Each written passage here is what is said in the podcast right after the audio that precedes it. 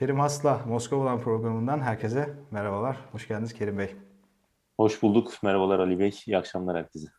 Evet, dünya gündeminin bir numaralı e, artık konuşulan konusu Rusya'nın e, Ukrayna'nın doğusundaki Donetsk ve e, Lukan. Onu ben bir türlü söyleyemiyorum. Ukraynalılar Luhansk diyor. O evet. hani konuşurken onlar he he derler zaten. G'yi he diye çıkarırlar. O, Ruslar Lugansk diyorlar. Ama siz buyurun devam edin. Lugansk diyelim biz de. Bölgesini e, Rusya ayrılıkçıların hakim olduğu bir bölgede zaten burası. E, evet. Onları bağımsız bir e, iki yani o, o, oraları bağımsız olarak tanıdı. Hiç kimseye sormadan diyelim hadi kendi başına e, tek başına aldığı bir kararla ve bu e, artık Amerika bunu işgal olarak da tanımlamaya başladı. Çünkü Beyaz Saray'ın açıklamalarında da geçiyor. İlk önce direkt işgal demediler. Ama sonradan artık işgal e, deniyor. Ve işte Avrupa Birliği ülkeleri bazı yaptırımlar devreye soktu. Amerika'nın e, Avrupa Birliği ülkelerinin yaptığı yaptırımlara nazaran daha böyle zayıf kaldığı eleştirileri de var. Ben e, ilk olarak daha önce de program yapmıştık. Epey de izlendi o da. Siz e, Ukrayna'nın bir adımı olmaması durumunda işgal girişiminin olmayacağını, daha doğrusu aslında Ukrayna'nın tamamına ilişkin bir işgal gibi bir söz konusu olmayacağından bahsetmiştiniz. Şimdi gördüğümüz kadarıyla bilmiyorum siz nasıl tanımlıyorsunuz? İşgal midir bu yoksa e, nasıl tanımlanıyor? E, siz nasıl yani değerlendiriyorsunuz? Ve e, artık Kiev söz konusu olacak mı? Ya da Ukrayna buna bir karşılık verip savaş gibi bir duruma evrilir mi bu süreç? Onda başlayalım. Evet. Yani şimdi e, benim önceki söylediğim aslında aynı. E, ben onun doğrulandığını düşünüyorum. Neydi? Kiev tarafı Donbas'a yönelik bir askeri harekatı girişmezse Rusya Ukrayna ile savaşmaz. O haritalarda birkaç aydır yani batılı e, istihbarat örgütlerinin bilgilendirmesiyle, yetkililerin ifadesi, uzmanların neyse medyanın böyle işte yukarıdan Kiev'i işgal edecek veya işte büyük çapta hani Ruslar diğer yerlerden falan alacaklar. Yani bu asker yığmasının nedeni Ukrayna'ya geniş çapta bir böyle işgal harekatı başlatacak diye ben o görüşte değildim yani. Hala zaten öyle bir durumda olmadı nitekim. Ee, yani Kiev tarafı e, şeye bir askeri harekat başlattı mı e, Donbas'a yönelik? Öyle bir askeri harekat diyemeyiz. Ama şu geçtiğimiz hafta 17 Şubat'tan sonra karşılıklı olarak ateşkes ihlalleri çok artmıştı. Hem Donbas tarafından hem de e, Ukrayna tarafından. Bunu Rusya tarafı da söylemiyor. Bu Agit e, gözlemcileri de oranları verirken işte 600 civarı, 700 civarı ihlal falan oldu diyor.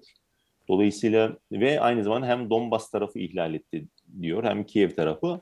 Hani iş iş şeye doğru gidiyor idi. Yani e, bir dediğim gibi yani Kiev sanki askeri harekat başlatacak gibi veya hani batıdan baktığınızda Rusya bir Donbas tarafı askeri harekat başlatacak gibi de düşünülebilirdi. Ama hani benim argümanım orada ne şu? Yani toprak bütünlüğünü sağlamak isteyen aktör orada Ukrayna tarafı. Yani harekat başlatacaksa Ukrayna tarafı başlatar. Kontrolünü altına almak ister. Donbas zaten e, kendisine özel statü verilmesi için hani o anlamda uğraşıyorlardı o ayrılıkçı bölgeler. Yani toprak genişletme bağlamında öyle bir uğraş söz konusu değildi. Ya bu Azerbaycan-Ermenistan biliyorsunuz o savaş için de aynı şey geçerli. Yani toprakları işgal altında olan Azerbaycan tarafıydı. O savaşı başlatan büyük ihtimal onu zaten bilemeyiz o. Ee, hani o zaman da konuşmuştuk biliyorsunuz. Hani cephede kim ateşi açtı ilk? E kim herkes açabilir. Hem Ermenistan tarafı da açabilir. Hem Azerbaycan ama mantıklı olan Burada var mı peki yani, bir bilgi? Azerbaycan kimi? tarafının açma ihtimaliydi. Nitekim sonradan Aliyev onu doğruladı hani biliyorsunuz savaşı biz başlattık diye evet. söyledi kendisi bize. Ama zafer sağlandıktan sonra falan filan. Şimdi burada ise haliyle bir e, kimin cephede kim bilmediğimiz için kim başlattı falan ama her hani bu zaten normal aslında çatışmalar gerildiği zaman arttığı zaman böyle 600-700 ihlal oluyor zaten Donbas'ta oluyordu. Ama hani son e, bu hafta yani Perşembeden sonraydı zannediyorum. O 17 Şubat artık nereye denk geliyorsa asıl 17 Şubat'tan sonra böyle e, bir de o çatışmaların arttığını dediğim gibi Rusya tarafı değil sadece Kiev tarafı da değil gitti karşılıklı olarak arttığını söylüyor. Dolayısıyla bu bir yani e, sanki böyle Rusya tarafı bir Donbas'a yönelik Ukrayna bir e, harekata geçişecek, girişecekmiş e, kanısına vardı bence. İkincisi e, bundan daha az önemli değil o da şu hani diplomatik bir maraton söz konusuydu. Yani e, işte şey tarafı Macron neticede özellikle Almanya Baş, e, Başbakanı Scholz Moskova'ya gelmişti. Dolayısıyla orada benim tahminim hani Rusya tarafı bir anlamda hani bir şans da verdi. Kiev'e yapabileceğiniz baskıyı yapın, Minsk anlaşmalarını uygulasın hmm. diye. Ama e, yani orada büyük ihtimal artık film koptu. Muhtemelen o yani o baskıyı yapamadılar veya yaptılar ama sonuç alamadılar. Yani öyle söyleyeyim. Hani Macron e, o medyaya düştü. Yüzde yüz hani doğrulanmış bir şey değil ama Fransa medyasına da düşmüştü. Macron işte Ukrayna, Zelenski'ye direkt Donbas'taki ayrılıkçılarla diyaloğa geç, doğrudan diyaloğa geç, bir otur masaya falan tarzında. Bu çünkü yap, şu ana kadar yapılan bir şey değil Minsk Anlaşmaları uygulaması için. Veya işte Ukrayna'nın tarafsızlık statüsü meselesine dönebilir mi Ukrayna? 2014 öncesine dönebilir mi? Bu konuda baskı yapılmış olabilir. Bunlar hani yazılıp çizildi medyada ne kadar doğru onu bilemem. Ama hani bir baskı yapılması konusunda Rusya tarafı bu Avrupalıları özellikle çünkü Amerika ile İngiltere onlar böyle bir baskı yapmıyorlar. Yani en başından beri Kiev'e yönelik Minsk Anlaşmaları uygulanması konusunda. Çünkü savaş doğrudan kıta Avrupa'sını ilgilendiriyor orada büyük bir savaş çıksaydı. Asıl kıta Avrupa'sı zarar görecekti. Dolayısıyla Normandiya formatında da zaten Almanya, Fransa biliyorsunuz var. Rusya, Ukrayna ile birlikte. O yüzden hani Rusya tarafı asıl onlar üzerinden baskı yapması da anlaşılabilir idi. Dolayısıyla hani bu e, o diplomatik maraton bir yani bir netice vermedi. E, yani Kiev tarafı neticede e, dediğim yani o Minsk anlaşmalarını hayata geçirme konusunda yani isteksiz oldu. Zaten onu da bir suçlamıyorum. Çünkü ben de Zelenski'nin yerinde olsam o Minsk anlaşmalarını değiştirmek için uğraşırım. Çünkü çok ağır maddeler. Yani o, o da yapacak çok bir şey yok. Yani dolayısıyla hani orada bir çıkmaz var idi. Bunun haricinde de tabii çalışmalar artınca e, yine böyle perşembeden itibaren o 2-3 gün biliyorsunuz 100 bine yakın şu ana kadar herhalde 100 bine falan vardı. Resmi rakamlar ne kadar doğru ne kadar yalan o ayrı bir konu. Ama Hı. neticede belli bir sayıda da Donetsk, Lugansk o ayrılıkçı bölgelerden insanlar Rusya'ya tahliye edilmeye başlandı. Değil mi? Hani büyük evet, bir savaş evet. geliyormuş gibi. Dolayısıyla savaş savaşa doğru o anlamda gidiyordu. Rusya Ama tarafı sanki hani... Batı medyasında baktığımızda Rusya aslında bir bahane uydurdu giriş yap, girmek He, için o, diye öyle bir evet. şey. Yani o bahane uydurmasını da mesela işte onu söylüyorum. Bence e, Rusya tarafı yani false flag operasyonu niye yapmak istesin? Ben bunu hani bir neti şey bulamıyorum açıkçası. E, bir gerekçe rasyonelite rasyonel bir açıklamasının olduğunu düşünmüyorum. Yani bir defa yaptırımlar işte uygulanacak. Yani e, e, ikincisi güvenlik garantileriyle ilgili öne sürdüğü Ukrayna'nın NATO üyeliği meselesini engelleyemeyecek ki zaten orada bir savaş çıksaydı. Yani Ukrayna'nın tümünü zaten kontrol altına alamayacaktı hiçbir zaman. Zaten ben en baştan beri öyle bir hedefinin olduğunu da düşünmüyorum yani. Yani e, ama Kiev bir askeri harekat başlatacak olsaydı o zaman da demiştim hani Rusya tarafı büyük ihtimal sadece hani Donbas'ı almaz daha ilerisine de gider diye. Dolayısıyla burada e, hani Rusya'nın ben kararını e, olumlu bulmuyorum. Tanıma kararını da olumlu bulmuyorum şahsen. Hani e, bunun Rusya'ya faydasından çok e, neticede zararını getirme ihtimalini de ihtimali de yüksek buluyorum. E, ama anlayabiliyorum niye bu kararı aldığını. Çünkü en az muhtemelen kendisine en az zarar verecek şekilde yani e, vereceğini düşündüğü için tanıdı. Niye? Çünkü öbür türlü e, hani bekleseydi, diyelim ki bekleseydi, büyük ihtimal o çatışmalar büyüyecekti. Evet. Büyük, büyük ihtimal o çatışmalar büyüyecekti. Savaş büyüyecekti. Savaş yani o çatışma savaşa dönüşecekti. Dom ayrılıkçılarla Kiev arasında. Ve böyle bir savaş olduğunda hem insani kayıp olacaktı hem de Rusya bu sefer göstere göstere tanımanın da ötesinde yani Donbas'a da girip askeriyle daha ilerisine de gitmeye çalışacaktı. İşte biraz önce söylediğim gibi. Putin'in toplantısında Rus Savunma Bakanı bir pot kırdı galiba. E, bu iki bölgeyi Saatim. açıklarken e, şey dedi e, Rusya'ya katılımını diye bir ifade kullanıyor. Ha, o, o Putin düzeltiyor hemen. E, evet, Rus İstihbarat evet, Başkanı evet. Orası o, da komik bir yani. Narışkin. Evet evet o çocuk gibi işte azarlıyor veya şey yapıyor falan evet. ama onlar, hani onlar Rusya toplumu için anormal şeyler değiller. Orada hani Putin Çar gibi işte diğerleri e, şey gibi hani Batı'da onun yansıtılması şey tabii yani hmm. Batı kültüründe çok olan bir şey değil onu anlıyorum ama hani Rusya için o çok mühim bir şey değil öyle bir yani orada e, dili sürçüyor, bir, bir, birkaç defa düzeltmek zorunda kalıyor Sergey Narışkin'i. işte dış istihbarat servisi başkanı. Zaten onlar 50 yıldır, 30 yıldır tanışıyorlar. Hani kankalar yani eskiden beri. istihbaratın başına getirdikten sonra tanıdığı bir isim değil Narışkin. İkisi de, ikisi de Petersburglu falan hani sen hmm. Leningradlı. Neyse hani uzatmayayım o Rus kültüründe normal o tarz şeyler. Yani onu söylemiş Peki olayım. bu bağımsızlık kararının tanınması şimdi, ne anlama geliyor Rusya için? Ha, yani için? yani şimdi şimdi bence orada ne oldu? Ee, Rusya tarafı bekleseydi bu savaş büyüyecekti büyük ihtimal. Ee, savaş büyüdüğü takdirde kendisinin askeri olarak direkt müdahil olup yani tanımanın da ötesinde büyük bir askeri gücü yani girip Donbas'ı da bence zaten dediğim gibi Alman'ın da ötesinde yani daha ilerisine de gider.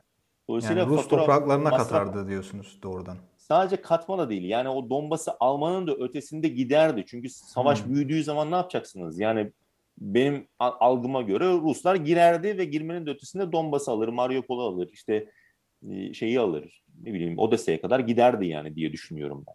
Hani e, çünkü masa devrildikten sonra e, yapacak bir şey yok. Bu sefer ise e, ben mesela tanınma olayını bekliyordum ama hani benim şahsen yanıldığım husus tanınmanın belki bir iki hafta sonra savaş yani savaşa dönüşme arefesindeyken olabileceğini düşünüyordum. Yani hmm. çatışmalar daha böyle yeniyken değil biraz daha büyüseydi işler biraz daha büyüseydi tanımı olurdu diye ben düşünüyordum. Nitekim bunda da aslında e, Putin de bunu söyledi. Mesela geçen hafta Scholz'la basın toplantısında sordular gazeteciler. E, daha çarşamba günüydü herhalde Scholz. Hı hı hı. Yani diye düşünüyor. Öyle hatırlıyorum. Moskova'ya geldiğinde. Dediler Gos, e, şey devlet duması şeyi kabul etti. Size çağrıda bulunuyor yani gazeteci sordu.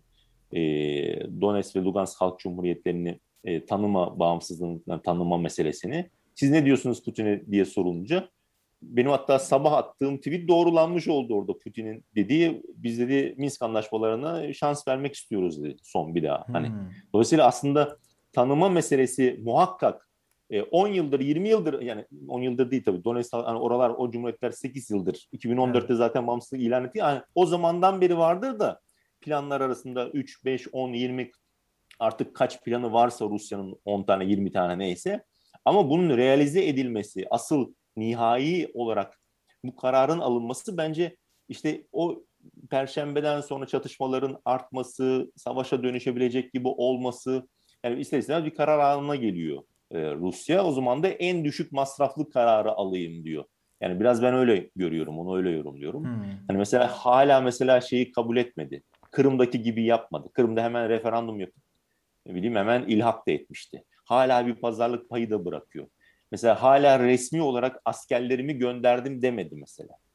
Hala izni aldı Putin. Peki giriş yaptı mı Rus, Rus askerleri? Ve Bu yönde bilgi bence var. Bence girmiştir. Orada zaten vardır. Yani 8 yıldır orada Rus askeri var da hani e, şey değil. Bunu hala resmi olarak girdiğini dahi söylemedi. Niye? Çünkü alıştıra alıştıra yani şimdi yaptırımlar daha güçlü gelmesin onları hmm. gözeterek giriyor. İlk önce tanıdı. Tanıyınca psikolojikmen Rus askeri orada yani. Bence orada mıdır? Oradadır. O başka bir hmm. konu. Ama hani resmi olarak bunu ilan etmesi de gerekmeyebilir. O da ayrı bir konu. Ee, yani göndermiştir, göndermiştir. Ama hani resmi olarak bunu açıklaması da gerekmeyebilir. Ama hani yine de bunu söyler gibime geliyor. Sonradan hani ilerleyen günlerde bunu söyler büyük ihtimal açıklar.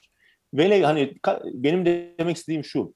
Burada Minsk anlaşmalarının uygulanmayacağı yani hatta mesela o zaman yine Peskov sorulduğunda geçen hafta Duma bunu kabul ediyor. Ne düşünüyorsunuz? Yani çağrıda bulunuyor. Mesela Peskov'un kendi ifadeleri var. Kremlin sözcüsü. Eğer tanıma meselesi gündemimizde değil, tanıma meselesi olursa Minsk anlaşmaları rafa kalkmış olur dedi kendisinin söylediği şey. Dolayısıyla dediğim gibi ben Minsk anlaşmalarını e, Rusya'nın masayı ilk devireceğini ben düşünmüyordum. Yani çünkü Minsk anlaşmaları kendi işine geliyor Rusya'nın zaten. Yani Minsk anlaşmalarını Putin kendisi elle kendi bizzat yazdı zaten. Sanki onu da dedim, dedim demiştim zaten aynı, aynı şey zaten. Yani Minsk anlaşmalarını Putin kendisi yazdı büyük oranda o anlaşmayı. Tam dört kişi oturdular masa etrafında. Merkel, Hollande, Fransız Cumhurbaşkanı eski işte e, Paraşenko. Putin ama o anlaşma şartları o kadar ağırdı ki Ukrayna için yapacak bir şey yoktu yani ve Rusya'nın lehineydi. Dolayısıyla hani masayı ilk devirenin Rusya olmasını ben şahsen beklemiyordum. O çatışmaların biraz daha büyüyüp Ukrayna tarafı belki Donbas'a bir harekat O anlamda yani görünür anlamda bir harekatı başlatmış olur. Ondan sonra Ruslar girer diye ben o anlamda düşünüyordum. Tanımanın hani demek istediğim tanıma 15 gün sonra belki 20 gün sonra o çatışmaların büyümesiyle belki mümkündür diye. Dolayısıyla hani burada ne yaptı Ruslar? Ee, savaşın büyümeden, savaş büyümeden e, yani savaş başlamadan da diyebiliriz bitirdi bir anlamda. Ne yaptı? Tanıdı. Bir defa tanıyınca hemen ardından anlaşmalar hemen imzalandı zaten. Aynı gün içerisinde askeri anlaşmalar. Dolayısıyla bu Gürcistan'daki Apaze Güney Ossetya modelini hızlıca hemen tatbik etti. Şimdi yapacağı psikolojik cephe hakkında Rus askeri var artık imajı verdi. Artık ayrılıkçılar değil. Yani cephede Ukrayna askerine, Ukrayna'ya diyor ki Ukrayna askeri karşınızda Rus askeri var diyor. Dolayısıyla zaten Putin o açıklaması hani konuşmasında artık biz oradayız. Dolayısıyla bizimle savaşmak durumunda kalırsınız. Evet. Dolayısıyla karşınızda artık yani e, ayrılıkçıların neticede Ukrayna ordusunu yenebilme şansı çok yok. Yani ayrılıkçıların uçakları, ne bileyim hava savunma sistemleri o kadar güçlü değil.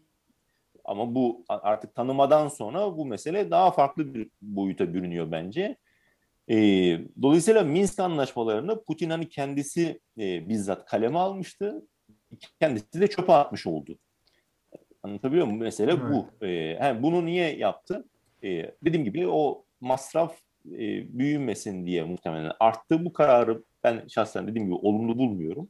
E, ama e, daha büyük bir savaş olabilirdi. Yani büyük bir savaş olabilirdi. İşte batılı ülkelerin yaptıkları orada hani çıkan haritalar gibi öyle bir şey olmadı. E, netice itibariyle hani Kiev'de, Harkov'tu veya işte Belarus'tan girecek Ruslar. Peki işte oradan doğudan girecek, Kırım'dan girecek falan. Hani böyle böyle bir durum olmadı. Dolayısıyla ben o anlamda hani o tahminimin doğrulandığını düşünüyorum. Ha, şimdi oraya gelelim. Şimdi oraya gelelim. Çünkü şimdi, bugün bir açıklama vardı e, Dolayısıyla bir defa e, evet, evet. şey dedi yani eğer savaş olursa Türkiye'den boğazları Rus gemilerine kapatmasını isteyeceğiz. Yani böyle bir ihtimalden de bahsediyor. Acaba tamamen diplomatik şimdi, bir blöf mü? Bu, Onu bilmiyoruz evet. tabii ki. Siz ne görüyorsunuz? Montreux'e Montreux'e göre Türkiye'nin katılmadığı savaşlarda e, şey yapamıyor bildiğim kadarıyla. Yani o boğazları kapatamıyor bildiğim kadarıyla. Ama bakmak yani kendisinin bizzat katılmadığı savaşlarda. Ama burada tabii biraz daha işler Türkiye direkt Ukrayna ile müttefiklik falan bir ilişkisi var bir anlamda ama neyse o e, biraz daha teknik bir husus. Hani olsaydı Türkiye Erdoğan kapatabilir miydi? Hani Rusya savaştıkları büyük bir savaş çıktı ben hani şahsen Türkiye hani kapatamaz onu. Erdoğan yine kapatamaz gibi geliyor bana. Mesajı da verdi zaten. Ama hani ne Rusya oraya... ne de Ukrayna'yı gözden çıkaramayız diye böyle bir mesajı da var.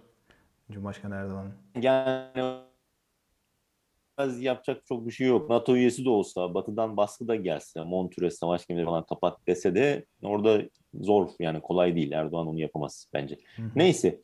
Şimdi bu, şu, bu aşamadan sonra bir defa e, o beklenen veya söylenen savaş olmadı. Bence bundan sonra olur mu? E, yani Ukrayna ordusu tabii ki olabilir. Savaş ihtimali var. Ama Ukrayna ordusu e, yönetimi e, hakaret anlamında söylemiyorum ama daha net anlaşılsın diye. Yani aklını peynir ekmekle yemediyse e, o orada o çatışmaları uzun vadede devam ettirmez. Muhakkak olur. Çatış yani ihlaller olur olmaz. O ayrı bir şey. Olur yani küçük küçük ihlaller olur. Ama artık oraya Rus ordusu girdikten sonra Ukrayna ordusunun o savaşı kazanma ihtimali yok. Bu bir. Ee, yani orada ben dediğim gibi savaşın bu etap itibariyle, bu etap itibariyle savaşın e, başlamadan bittiğini düşünüyorum. Ama her halükarda işin şu kısmı var. İki mesele var. Birincisi e, bu Donetsk ve Lugansk Halk Cumhuriyetleri olarak Rusya'nın tanıdığı cumhuriyetler, bunların sınırları normalde daha önceden de demiştik, Donetsk ve Lugansk bölgelerinin hepsini kapsamıyor. Donetsk, Ukrayna'nın Donetsk ve Lugansk bölgelerinin yüzde kırkına tekabül ediyor bu ayrılıkçıların kontrol ettiği bölgeler. Dolayısıyla yüzde altmış daha bir toprak var ki bu topraklar o Donetsk ve Lugansk Halk Cumhuriyetlerinin anayasalarında yazıyor tamam mı? Tek taraflı kabul edersiniz etmezsiniz. O ayrı, o ayrı bir konu konuşmuyoruz. Ama onların anayasalarında kendilerinin hani toprak bütünlüğü, Ukrayna, Donetsk ve Lugansk Halk Cumhuriyeti'nin toprak bütünlükleri Donetsk ve Lugansk bölgelerinin e, tamamından geçiyor yani. Tamam mı? Dolayısıyla yüzde. 60 daha iddia edebilecekleri toprak parçaları var. Tamam mı? Evet. O ayrılıkçılar iddia edebilecekleri. Şimdi bu bir. İkincisi e, Rusya her halükarda e, bence çok çok daha büyük bir güçlü bir mesaj vermiş olduğu Ukrayna'nın NATO üyeliğine geçit vermeyeceği konusunda. Bu çok açık. E, yani e, ne yaptı? E, böyle böyle olacak değil masayı ben de deviririm. Hatta kendisinin Birleşmiş Milletler Güvenlik Konseyi'nde Rusya'nın kendisini onaylattığı e, bir anlaşmaydı Minsk anlaşmaları ama deviririm. Ukrayna'nın NATO üyeliğine e, izin vermeyeceğini Ruslar askeri yoldan e, ikinci, üçüncü defa yani Kırım'ın ilakı, işte diyelim Donbas'ta çatışmaların olması 2014 sonrası ve şimdi üçüncü defa tanıyarak bunu göstermiş oldu. Biraz daha tamam. ileride yani, gitti aslında. Daha, Rus toprağı yani, dedi yani Ukrayna'nın tamamı için. O, o başka bir konu. O biraz daha hani felsefi, tarih yani böyle hmm, o Putin'in kendi argümanları hani onu tartışabilirsiniz. O başka bir konu ama hani somut olarak sahada bunu daha güçlü bir şekilde gösterdi. Göstermenin de ötesinde Putin konuşmasında şunu dedi yani. E, bunu derken de bence kendisi de inanıyor buna. Bunu yapar. E, yani e, NATO Ukrayna'nın NATO üyeliğine bundan sonra hani diyelim ki hani şöyle bir ihtimal vardı değil mi? Zaten şu, şu an Ukrayna NATO üye olmayacağı zaten belli. 10 yıl sonra belki olabilir deniyordu değil mi? Eğer o 10 yıl idiyse e, Rusya bu e, tanımayla birlikte e, bunu 20 yıla çıkardı veya 25 yıl bilmiyorum artık. Daha da uzattı bir defa. Bu kesin yani. Ve eğer bu yönde ilerleme kaydedilirse Ukrayna ordusu, Ukrayna yönetimi NATO üyeliği konusunda NATO üyesi olmasa bile e, NATO üyesi olma konusunda Rusların kendine göre çizdiği kırmızı çizgileri geçerlerse o entegrasyon sürecinde Ruslar yine müdahale edecek bence. Anlatabiliyor muyum? Üye olmasa bile Ukrayna NATO üyesi olmasa bile ilerleyen süreçte e, Ukrayna yönetimi ülkeyi NATO ile entegrasyonunda dediğim gibi Rusya'nın kendine göre kırmızı çizgileri var o kırmızı çizgiler. Nedir? Yüzde yüz bilmiyorum ama neticede Putin'in söylediği birkaç bir şey var. Mesela özü üssü diyor. Özü üstünde diyor. E, oradan diyor kalkan gemiler, uçaklar neyse bizi diyor bize tehdit oluşturuyor mesela. Şimdi özü üssünün gelişimi, kalkınması, devamı mesela işbirliği nereye varacak ilerleyen yıllarda? Veya e, Amerikan stratejik bombardıman uçakları diyor Ukrayna üstlerinden kalkıp bizim Kırım'a veya Karadeniz bölgelerine neyse gelebiliyor rahatlıkla falan filan. Şimdi bu iş buna ben engel olacağım diyor yani Putin. Tamam Rusya tarafı bunu diyor. Dolayısıyla burada iki mesele var. Birincisi e, bundan sonra Rusya bu Donetsk, Lugansk o halk cumhuriyetlerinin sınırlarını o yüzde altmışı da alayım diye genişletmek ister mi? Mesela. Hı hı. Bu bir. E, eğer bence Ukrayna ordusu bir e, bu Donbas dediğim gibi aklını ben peynir ekmekle yemediyse orada o çatışmayı savaşa döndüreyim, operasyona döndüreyim diyor. Donetsk, Lugansk o ayrılıkçıların olduğu bölgeyi kontrolüme alayım diye bir hamle daha yapmazsa, güçlü bir hamleden bahsediyorum. Küçük ufak tefek çatışmaları kastetmiyorum yani. O önemli değil. Yani o kadar şey değil. Ama hani bir güçlü bir hamle yapmazsa ben hani Rusların e, o yüzde altmış sınırlar konusunda e, böyle bir harekata girmesine gerek yok. Yani bir, bence gerek yok yani. Zaten tanımış etmiş. Yani genişletse ne olur? Ne, zaten 8 yıldır orayı kontrol ediyor bu ayrılıkçı bölgeler. Yani şu an kontrol ettikleri bölgeyi kontrol ediyor. Yani bunu biraz pazarlık payı olarak, sopa gösterme olarak yani Rusya tarafı diyor ki bak diyor gelmeyin daha fazla hani bir anlamda. Sakın savaşa dönüştürmeyin bu işi. Aldım ben bitti diyor. Ee, yani ilhak etmedi belki şu an ama ne diyor işte tanıdım diyor. Ben girdim artık sınır hattında çatışma hattında ben varım. Sakın Hı. ateş etmeyin. Ateş ederseniz veya işte bombalarsanız ben diyor bu yüzde altmışı da alırım. Bir defa hani sopa gösterip o anlamda Ukrayna ordusunu hani, tırnak içerisinde terbiye ediyor. Ukrayna'yı terbiye ediyor. Anlatabiliyor muyum bu anlamda? İkincisi e, bundan sonra mesela Ukrayna'nın NATO üyeliği konusunda dediğim gibi o Rusların kendine göre o kırmızı çizgileri geçerse Ukrayna kendi askeri altyapısını NATO'ya ne kadar ne ölçüde açmaya devam edecek? Anlatabiliyor muyum? Mesele bu. Orada Rusya tarafı e, false flag operasyonu yapabilir bence. Hmm. Diyelim ki Aradan iki sene geçti, üç sene geçti. Ukrayna NATO ile daha fazla entegre olmaya başladı. İşte Putin'in dediği gibi özü üstünde uçaklar iniyor, kalkıyor, gemiler, şunlar bunlar, Berdyansk şu bu. Tamam mı? Yani baktı ki hızlı devam ediyor Ukrayna'nın NATO üyelik süreci, evet. entegrasyon süreci. Dolayısıyla ben Rusya'nın yerinde olsam orada bir false flag operasyonu kendime göre yaparım. O ateş ettin derim bilmem ne yaparım. O Lugansk e, şu an kontrol ettiği yüzde kırkı yüzde yüze çıkarırım. Gidişata göre de Odasa'ya da girerim, Özü'ye de girerim. Anlatabiliyor muyum? Yani bu, bu haklı gördüğümden dolayı söylemiyorum ama hani hmm. Rus devlet aklı böyle işler diyorsunuz. Bence özetle. böyle çalışır. Çünkü hmm. çünkü çok net çizdi. Yani Ukrayna'nın NATO üyeliğine kesinlikle izin vermeyecek bir defa Rusya. Yani bu çok net.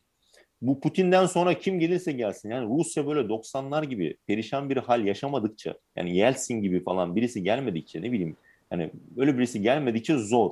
Rusya ancak kendi kırmızı çizgilerinden vazgeçtiği takdirde, Rus siyasi eliti kendi kırmızı çizgilerinden vazgeçtiği takdirde Ukrayna'nın NATO üyeliği bence mümkün olabilir hmm. bu aşama. Bu aşamadan sonra. Dolayısıyla e, hani öngörülebilir gelecek için bence dediğim gibi e, yani e, eğer Ukrayna'nın NATO ile entegrasyon süreci yani ona bakacaklar Ruslar. Eğer bu çok daha kuvvetleşirse ki kuvvetleşecek zaten ama hani demek istediğim yani Rusların o ne kadar tehdit edebilecek o. Diyor ya mesela Putin diyor hipersonik füzeleri yerleştirdiği zaman diyor Harkova diyor 4-5 dakika diyor. Bu sefer de 4-5 4'e indi mesela. Önceden 5-6 7 dakika diyordu. Mesela 4'e 5'e indi. O hipersonik füzeleri ekledi şimdi mesela. Şimdi hipersonik füzeleri diyor Amerika yerleştirirse diyor Harkova diyor 4-5 dakika Moskova'ya varması diyor. Hmm. Mafiş yani yapacak bir şey yok biz müdahale ederiz o zaman diyor yani. Tamam yani bunu net söylediği için demek istediğim hani işler o aşamaya gelirse o Rusların kendi hesabı. O zaman false flag'ını da yapar, başkasını da yapar. Yani yalancı bayrak operasyonu yapar. Oradan bir bahane üretip bence girer, devam eder. Ee, bir diğer şey e, ne diyecektim? Yani e, peki bu yaptırımlar yani neyse, bu yaptırımlar Rusya'yı nasıl etkiler ve hani daha biraz daha geniş pencereden bakıldığında Türkiye bu işin neresinde nasıl etkilenir? Mesela yani yaptırımlar... bu en büyük yaptırımlardan birisi galiba biraz aslında Almanya için de dezavantajlı gözüken e, Scholz dedi ki artık bu devam edemez dedi. Kuzey akım bu doğal gaz e, hani özetle diyebileceğimiz iki e, projesinin başlamadan bittiğini evet. ilan etti. Yani ve çok önemli bir proje olarak Avrupa'daki gaz e, tedariki ama için çok önemli bir proje olarak görülüyordu. Şimdi iki taraflı da aslında olumsuz bir e, etki yaratacak gibi gözüküyor. Siz ne diyorsunuz? Şimdi o kuzey akım iki meselesinde hani ben de Almancam yok da hani takip ettiğim kadarıyla İngilizcesinden Hı-hı. veya Rusçasından e, yuvarlak ifadeler de var. Yani sertifikasyon sürecini durdurdular. Hmm. Yani e, sertifikasyon süreci işte 4-5 ay sonra bitiyordu. Haziran, Temmuz gibi bekleniyordu. Bitince zaten şu an boru hattı gazla dolu. E, yani hani 4-5 ay sonra açılacaktı, açılsaydı. Hmm. Şimdi o sertifikasyon sürecini ilerle e, ertelemek ne demek? Yuvarlak bir ifade. Yani hiç hmm. açmayacağız demek başka bir şey. Al Tabii. gazını boru hattında mesela şu an gaz dolu. Mesela şunu diyecek mi? Al o gazı çekebilirsin Rusya. o başka bir şey. Hani hiç açmayacağız imajını şeyini daha güçlendirmiş olursunuz. Boz, bo, gazı da geri çek. Şu an gazla dolduruldu çünkü Aralık ayından beri dolu. Hı hı. Şimdi benim şahsi kanaatim e, o doğal gaz boru hattı e, er geç açılır.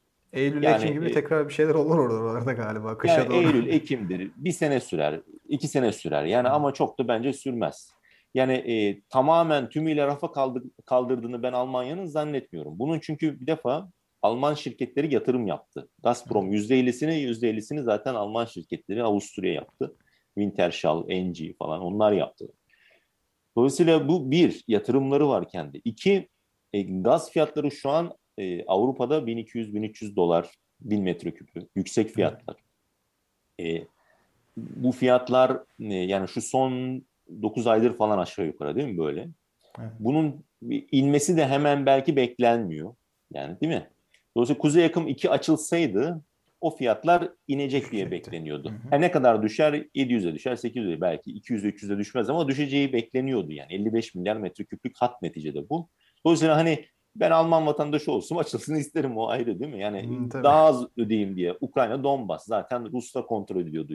Yani neticede 2014 yılından beri orası ayrılıkçı bölgede Rusya'nın kontrolü altındaydı yani. Ruslar hmm. destek veriyordu her türlü. Dolayısıyla hani Hani bir Alman olsanız siz ne de yani 2000 zaten Rusya'nın kontrol ettiği yer. Niye biz Ukrayna Rusya arasında Dolayısıyla zaten hani şu an demek dünya ekonomik elektrik fiyatlarından şikayetçi herkes. Burada da çok ha, yani, şikayetçi yani. herkes. Bir de doğalgaz eklendiği zaman evet ciddi bir kriz e, ulaşacak. Yani e, orada hani e, demek istediğim o fiyatların azalması bekleniyordu neticede. Bu Almanya'nın çıkarlar açısından şey. İkinci yani bir yani bunların nedenlerini şey yapabiliriz. Mesela şu an hani tabii mesele sıcak olduğu için Almanya'nın tabii ki bir şey demesi gerekiyor. Haliyle bunu demesi çok normal. Yani e, uzattık sertifikasyon sürecini askıya aldık. De yani 6 ay, 1 yıl sonra tekrar gündeme gelebilir. Yani işlerin gidişatını görmek isteyecektir her aktör.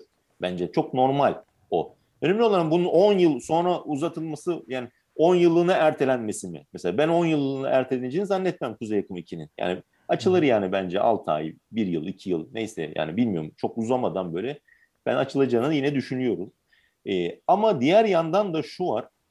E, Rusya hani 1200 dolara o e, zaten Avrupa'da fiyatlar yüksek ya. Şu an Avrupa'ya sattığı Almanya'ya ucuza satıyor boru hattından uzun vadeli olduğu için kuzey yakın bir var bir de çünkü neticede. Şu an mevcut itibariyle Ama, baktığım zaman rakamı %33'ünü Avrupa'nın gaz tedarikini sağlıyor Rusya. Yüzde, evet yüzde, yüzde 33 mü tam rakam? Yani öyle o, e, it, diyor ithal, istatistik. İthalat mı tüketimi mi? Bir de tüketimi. o detayı bilmiyorum. Sadece işte ne kadar hani e, Rusya e, yüzde 37 ne kadar diye gaz ben, veriyor. Hmm. Evet, yüzde 37 diyebilirim. Belki ithalatında yüzde 37'dir e, tüketiminde yüzde 33'tür. Doğrudur. Doğrudur. Yani Hı-hı. o rakamlara bakmak lazım ama hani az değil. Hı-hı. Şimdi bir de şu var tabii Rusya açısından baktığınızda e, Kuzey Akım 2'nin e, rafa kalkmasından rahatsız? Kesinlikle rahatsızdır. Yani tabii ki yapmış o kadar yatırım açılsın daha gaz satayım ister. O başka bir konu. E, ama işin bile ufak da olsa şöyle bir yönü var. Gaz fiyatları biraz da yapay olarak çok yukarıda seyrettiği için hani Ruslar az gaz satıyor ama e, yüksek fiyattan sattıkları için neticede. Dolayısıyla hani o zararı kompanse edebiliyor. Yani demek istediğim şu Kuzey Yakım hmm. 2 açılsaydı Kuzey Yakım 2 mesela geçen e, birkaç hafta önce 2-3 hafta önce bir komersantta bir önemli bir Rus enerji uzmanı yazmıştı da demişti yani biz şu an aslında fiyatların yüksek olması e, bizim için daha iyi e, az gaz satıp daha fazla kar edebiliyoruz. Hmm. E, ama bu tabii ne kadar sürer orası bayri, bayri, ayrı bir konu. Yani bu yüksek gaz fiyatları belki 3 ay sonra düşecek. Çünkü yapay biraz yani şey değil böyle piyasa şartlarıyla arz talep dengesine göre e, oluşmuş bir fiyatlama değil bu yani. Birden 200 dolardan 300 dolardan çıktı 1300 2000 dolarlara falan çıktı biliyorsunuz zaten. Evet, yani evet, evet. normal bir fiyat. Orada bir spekülasyon tarafı vardır başka şey bir sürü etkeni var. Hani iklim meselesi falan var diyorlar. Yani o başka bir konu. Dolayısıyla hani e, demek istediğim mesela 55 milyar metreküp büyük bir rakam, e, miktar, çok büyük bir miktar. E, Kuzey Yakım 2 açılmış olsaydı gaz fiyatları düşecekti. Daha Ruslar daha fazla gaz satacaktı. E, hani, ama daha az veya işte o miktarda kazanacaklardı eskisi gibi. Ama bunlar tabii hep yoruma açık şeyler. Ben böyle bundan dolayı Rusya e, memnundur falan demem yaptırımlarda. Tabii ki memnun değil yani. Tabii ki rahatsız edici bir şey. Ama, Ama bir hani şekilde bu işleri de bir, göze almıştır bir, gibi. Bir şekilde yani. hani kompanse edebilecek kadar belli oranda kompanse edebilecek kadar o zararı karşılayabilecek kadar e, mevcut şartlar da var onu söylüyorum. Hani be, belli şartlar var öyle diyeyim. Dolayısıyla hani burada e, bir yani Kuzey Yakım 2 meselesi biraz öyle. Diğer taraftan hani bütün Avrupa Birliği ülkeleri, Amerika'nın yaptırımları, İngiltere'nin yaptırımları. Ya şimdi baktığınızda e, tabii ki Rus ekonomisini sarsacak, edecek, e, zarar görecek. Ama e, hani böyle yıkıma sürükleyecek mi Rusya ekonomisini? Yani öyle gözükmüyor. Yaptırımlar o kadar ağır değil. Yani şimdi mesela hani 3-4 aydır Batı medyasında çıkan işte Kiev'e girecek, kuzeyden girecek, güneyden girecek falan, doğudan girecek. Hani neydi? Ukrayna'yı bombalayacak, Kiev'i bombalayacak, Karkov'u hani öyle yaygara evet. kopartılıyordu değil mi? Evet. Şimdi e, öyle olsaydı öyle bir öyle o doğru çıkmadı neticede bence çuvalladılar o anlamda yani. E, Batı medyasını veya neyse uzmanını şunu yetkililerini falan kastediyor. Burada e, ne oldu? E, eğer öyle bir şey olsaydı çok daha güçlü yaptırımlar kabul edilecekti. Ama siz e, Amerika, İngiltere ne, ne düşünüyorlar genel itibariyle? Ya bu hani Biden da demişti ya bir ara. Ya bir işgal var, işgal var falan demişti. Yani bir hani bir girdi bir hmm, şey evet, yani evet. küçük bir yer aldığı takdirde küçük bir yer öyle bir şey demişti. Bir Çok önemsememişti. Yani, yani hatta Ukrayna'dan yani, tepki gelmişti buna açıklamasına. Tepki gelmişti. Aynen sonra hemen artı, ardından düzeltmişlerdi. Hemen basın toplantısı sonrası Biden'dan sonra hemen Beyaz Saray bir açıklama yapmıştı. Ya orada Başkan Biden zaten bir karış bile işgal etse Rusya falan yaptırımını kastediyor falan demişler ama öyle dememişti. Neyse. Yani kastettiğim şu Donbas e, zaten Rusya'nın kontrolünde olan bir bölge olduğu için hani zaten e, o o hani tırnak işte, o küçük işgale giriyor bu olay bence biraz. Yani batılı ülkeler açısından baktığınızda dolayısıyla mesela SWIFT sisteminden çıkarılması Rus bankalarının mesela konuşulmuyor. Benim gördüğüm hmm. kadarıyla öyle bir şey yok. Evet, hiç, ben de Bu yaptırımlarda hani peyderpey gelecektir. Tabii ki her, hemen bugün itibariyle hepsini kabul etmediler. Bütün yaptırımlara. Bunlar muhtemelen peyderpey gelecek. Ama hani mesela hiç Swift konuşulmuyor. Kuzey akım 2 konuşuluyor işte ama dediğimiz çerçevede konuşuluyor. Baktığınızda böyle 350 Duma milletvekiline yaptırım getiriyor. Mesela Avrupa'ya girişlerine, İngiltere'ye girişlerine yasak. E, Rus toplumu buna destek görüyor. Zaten gitmesinler de milletvekili. Ne işi var tatil eder. Gitsin Kırım'da tatil. Yani şeyde kendine göre öyle destek bir haber Ama yap, bankalarına Guardian, Guardian'daydı yani, galiba. Bakanlara da galiba bir şeyler. Şoygu ve işte iki bakın, komutanına Şaygu. Şaygu şey zaten adam yani. zaten hep Sibirya ormanlarında tatil yapıyor. Taygalarda tatil yapıyor Şaygu zaten. Hani Putin'le falan. Yani demek istediğim şu. Bakanlar o kişisel e, yaptırımlar var Bence bunun mesela çok bir önemi yok yani açıkçası. E, yani o Putin'e yakın oligarkların tabii ki Londra'da falan vardır yatırımları kendilerine göre de onlar asıl böyle tehlikede olanlar zaten kendilerini o risklerini bence azaltmışlardır şu ana kadar. Çünkü belli yani gidişat bir gerilim var. Dolayısıyla hani e, ne kadar zarar ve o kişisel yaptırımlar bence o kadar yani mühim sembolik değil. Sembolik mi olarak görüyorsunuz? Onlar ben sembolik olarak görüyorum. Yani milletvekillerine yaptırım yapsan ne oluyor, yapmasan ne olacak? Rus toplum dediğim gibi bence bunu desteklerdi. Ben olsam desteklerim. Yani ya, milletvekili oraya gideceğine gitsin işte Soçi'de tatil yapsın değil mi? Hani öyle hmm. düşünürsünüz vatandaş olarak. Başka ülkede parayı yiyeceğin. Ha, diğer yaptırımlar mesela bankalara yönelik yaptırımlar mesela tabii ki zarar verecektir. Borç almaları mesela. Evet Biden o, onu söyledi. Evet, Asla Biden borç alamayacak söyledi. falan dedi. Avrupa Birliği ülkeleri falan söyledi. Ama bunlar da yani dediğim gibi e, küçük e, işgal var, büyük işgal var. O şimdi küçük olarak görüldüğü için e, o kadar şiddetli değil yani. Şimdi mesela iki gündür bakıyorum hani dolar 76 rubleydi. Bir dolar 76 rubleydi zaten. 75-76 rubleydi. İşte 80'e falan çıktı. Yani mesela hmm, 2014 evet. yılında 2014 yılında Kırım'ın ilhakı sonrası gelen yaptırımlarla işte e, dolar 32 rubleydi. E, yani o zamanlar mesela 100 100'e falan 90'ı 100'ü falan test etti. Sonra geri indi. 50'ye hmm. 60'a indi. Sonra gel zaman git zaman 70'lerdeydi işte şu an. 75 76 neyse. Ama şimdi hani anlatabiliyor muyum? Kırım'ın ilhakı sonrası o bir yaptırımlarla biraz sınandı. Buna alıştı. Ruslar ekonomi alıştı e, o Rus hani Merkez Bankası döviz rezervlerinin doları azalttı yüzde 45-46 falan payı vardı doların şu an yüzde 17'lerde falan indi. Yani dolayı bunların her birinin etkisi var. Çin'e yönelik Çin'e yaklaş şeyi arttı, Çin'e yakınlaşması arttı Rusların. Dolayısıyla hani yani batılı ülkelerin yaptırımlarına karşı dayanıklılık e, e, bağış, bağışkanlığı kazandı biraz. Anlatabiliyor muyum? Böyle bir durum da var. Bu da bir gerçek.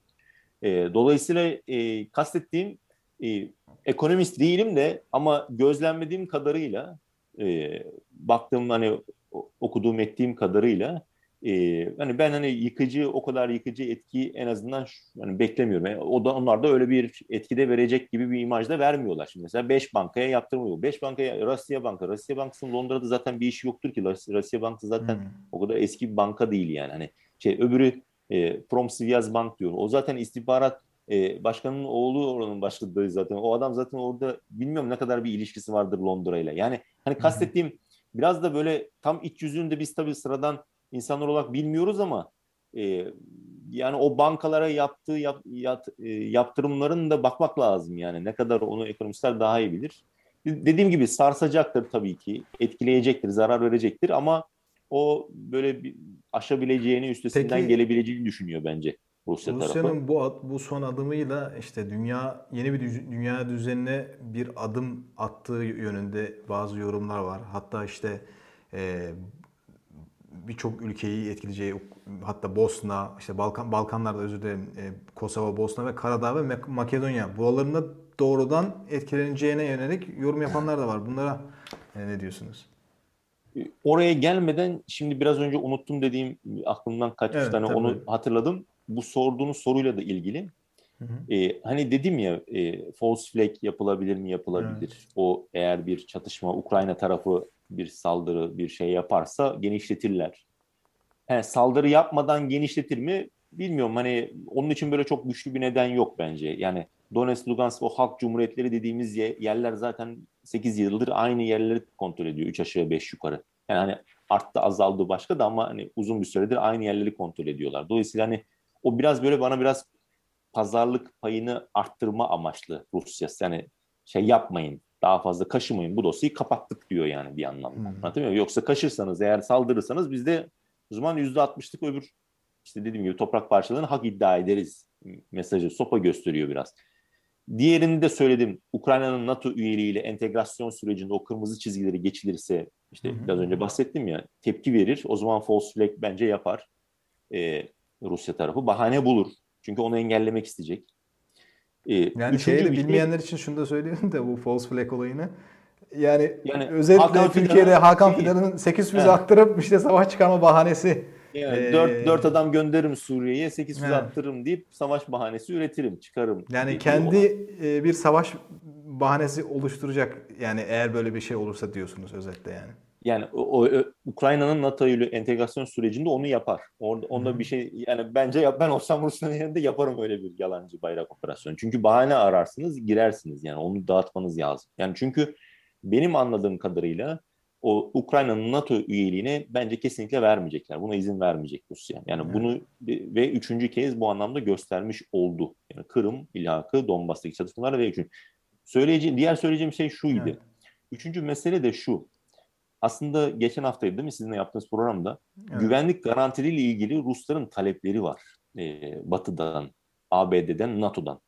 Şimdi Donbas'taki o cumhuriyetleri tanıyarak bu taleplerin hiçbirini zaten hayata geçiremedi zaten.